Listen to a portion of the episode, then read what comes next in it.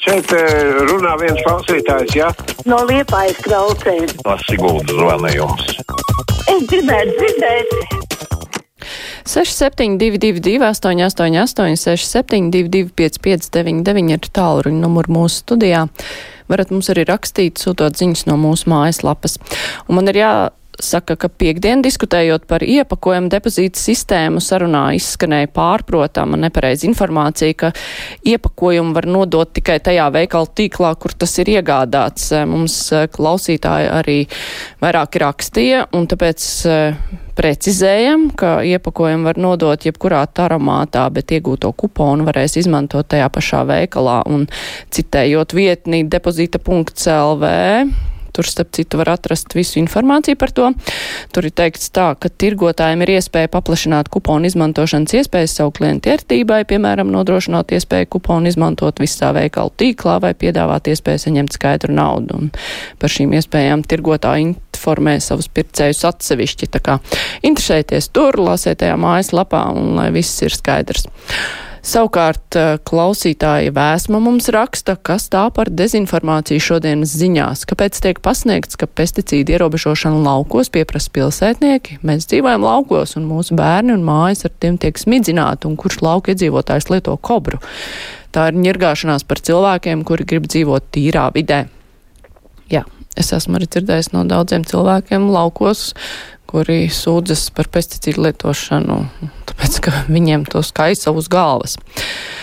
Tā klausītājs Pēteris savukārt raksta par šodienas iecerēto diskusiju krustpunktā. Pēterī, mums šodien nav diskusija, mums ir lielā intervija, bet skaidrs, par ko ir runa par rītdienas diskusiju. Pēters ir konservatīvs kristietis, bet atbalsta šo civilās savienības likumu, ko IKP pārvaldītā ministrija, tieslietu ministrija ir iesniegusi. Un viņš domā, ka daudzi kristieši atbalstīs šo likumu, jo Bībele ir mūsu galvenais vērtību orientieris, raksta klausītājs Pēteris, un tā runā par vājo neaizsargāto atstumto aizsargāšanu. Kristieši nav pret cilvēkiem ar atšķirīgu orientāciju. Viņam pašam vairāk tādu pazīstami mūsu draudzēs. Bet Pēters ir uzrakstījis uzrakstījis ļoti garu vēstuli, un es visu nevaru nolasīt, bet doma jau bija skaidra. Tā klausītāji mums zvana. Tā, es mēģināšu pacelt klausulī. Tā. Ui, nesenāca, piedodiet, nesenāca pacelt, lasīšu vēl vēstules. Tā Roberto vaicā, Marīte Sorosīte, kādēļ nekad neaicināt uz interviju politisko opozīciju, vai tā nav sabiedrisko mēdīju cienīga auditorija? Hm. Mēs aicinām uz intervijām arī politisko opozīciju, esat pamanījuši. Mūsu raidījumā regulāri piedalās cilvēki, kuri nav valdībā. Ir cilvēki ar dažādiem uzskatiem, ir cilvēki gan konservatīvāk, gan liberālāk noskaņoti. Tā kā mēs cenšamies dažādot, dažādot to visu. Tā Astrīda vaicā brīnos par to, ka tikko dzirdētajā sižetā neizskanēja doma par to, ko mums darīt, kad Krievijas gāze tiks atslēgta. Nu, Krievija jau nav vienīgā gāzes piegādātāja, bet, protams, ka ja Krievija pārtrauc piegādāt gāzi, tas rada problēmas gan pašai Krievijai, gan arī tie, kas šo gāzi saņem. Tā kā, nu, jā, risinājumi ir jāmeklē visiem, bet tāpēc jau Eiropa arī cenšas meklēt dažādot šos te energoresursu uh, avotus. Tā Arnim savukārt ir, jā, Arnis raksta arī par pievienoto vērtību. Tas, ka notiek spekulācija ar resursiem un akcijām, ļoti labi parāda Austrālijas piemērs, kur līdzīgi kā Latvijā ar energoresursiem var spekulēt ar ūdeni, ko nozīmē, ka ir izveidot uzņēmumu, kas spekulē ar ūdeni un pārdod pārpircējiem pārdot pārpircējiem, kuriem ir nauda, lai nopirktu visus ūdens kāda krājumus un pēc tam par desmitkārtīgu naudu pārdot zemniekiem. Rezultātā ar viens zem, vairāk zemnieku bankrutē. Nu, tur, kur ūdens ir bagātība un liela vērtība, nu, tur tā arī var spekulēt ar ūdeni. Nu, pie mums tā nav, lai gan, protams, arī tīra ūdens piegāda arī maksā naudu, un tāpēc, tāpēc uh, jā, par to varbūt jāmaksā.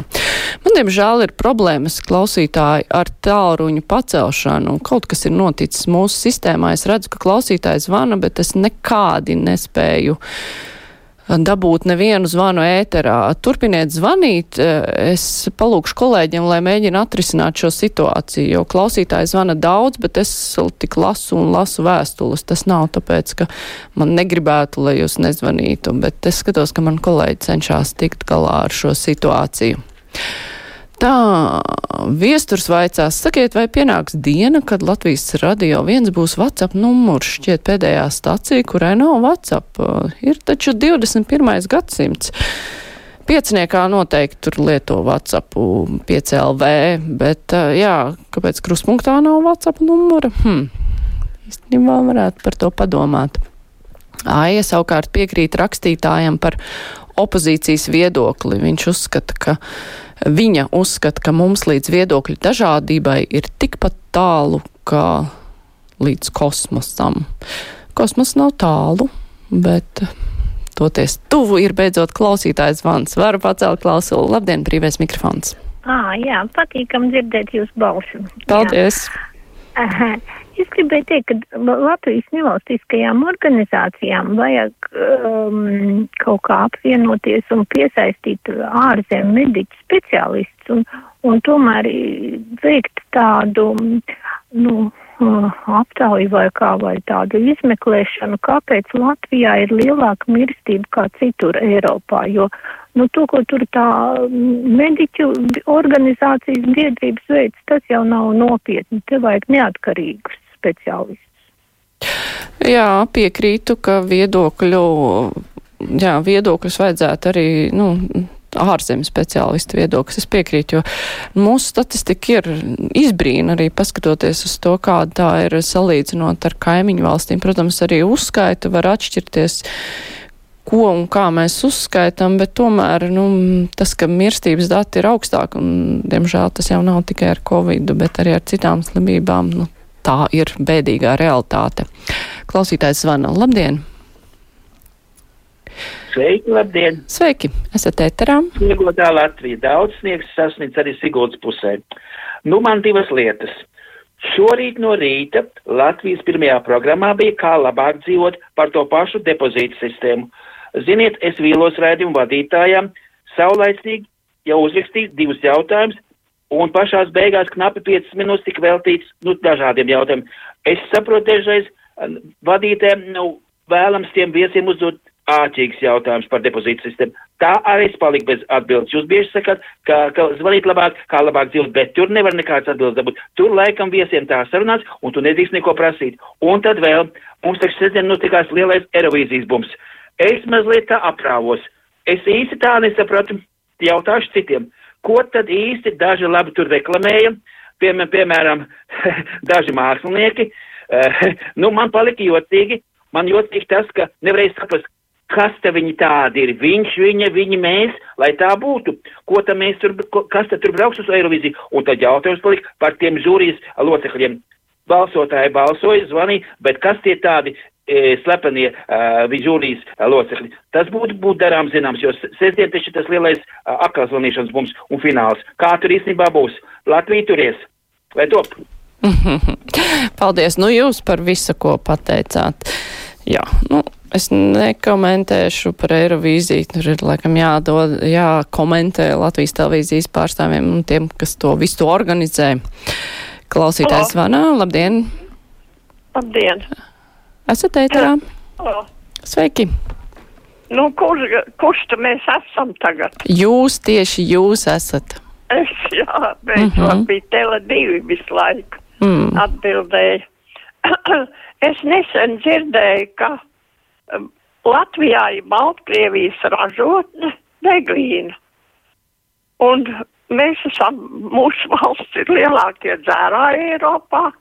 Un man gribās zināt, kur tad paliek tas Baltkrievijas saražotais degvīns.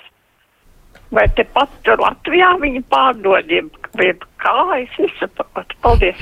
Paldies. Nu, labs jautājums. To var kāds noskaidrot un ziņot, eh, kur paliek tas degvīns.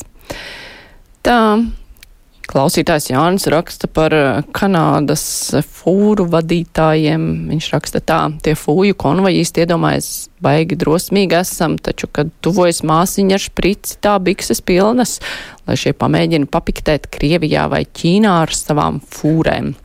Tā Jānis raksta, bet es ceļu klausuli, labdien, brīvais mikrofons. Labdien! Labdien! Man būs laikam ļoti garš jautājums, bet piedodiet es nevaru saprast par to biržu, par tām biržas cenām. Kas tā par biržu? Vai tā ir tikai Eiropas Savienības robežās tā birža? Kas kontrolē to biržu? Kāpēc tās biržas cenas ceļas? Vai tagad mums vairāk elektrību tērē nekā, piemēram, pagājušajā gadā, vai vairāk degvielu brauc nekā pagājušajā gadā, vai vairāk minerālu mēslus un graudu sēt nekā pagājušajā gadā? Un no otras puses, jo lielākas cenas, jo lielāks PVN, akcijas nodoklis, valsts kasa pildās. Tā, nu, gribētos to saprast, to visu putru.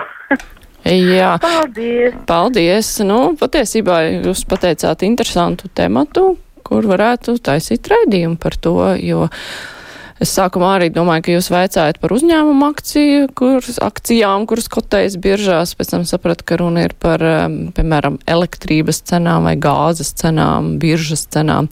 Nu, tur ir ko skaidrot, vienvārds sakot, labi ideja kolēģiem. Ceļu klausulu, labdien, brīvais mikrofons. Halo. Sveicināti. Halo, labdien. Labdien.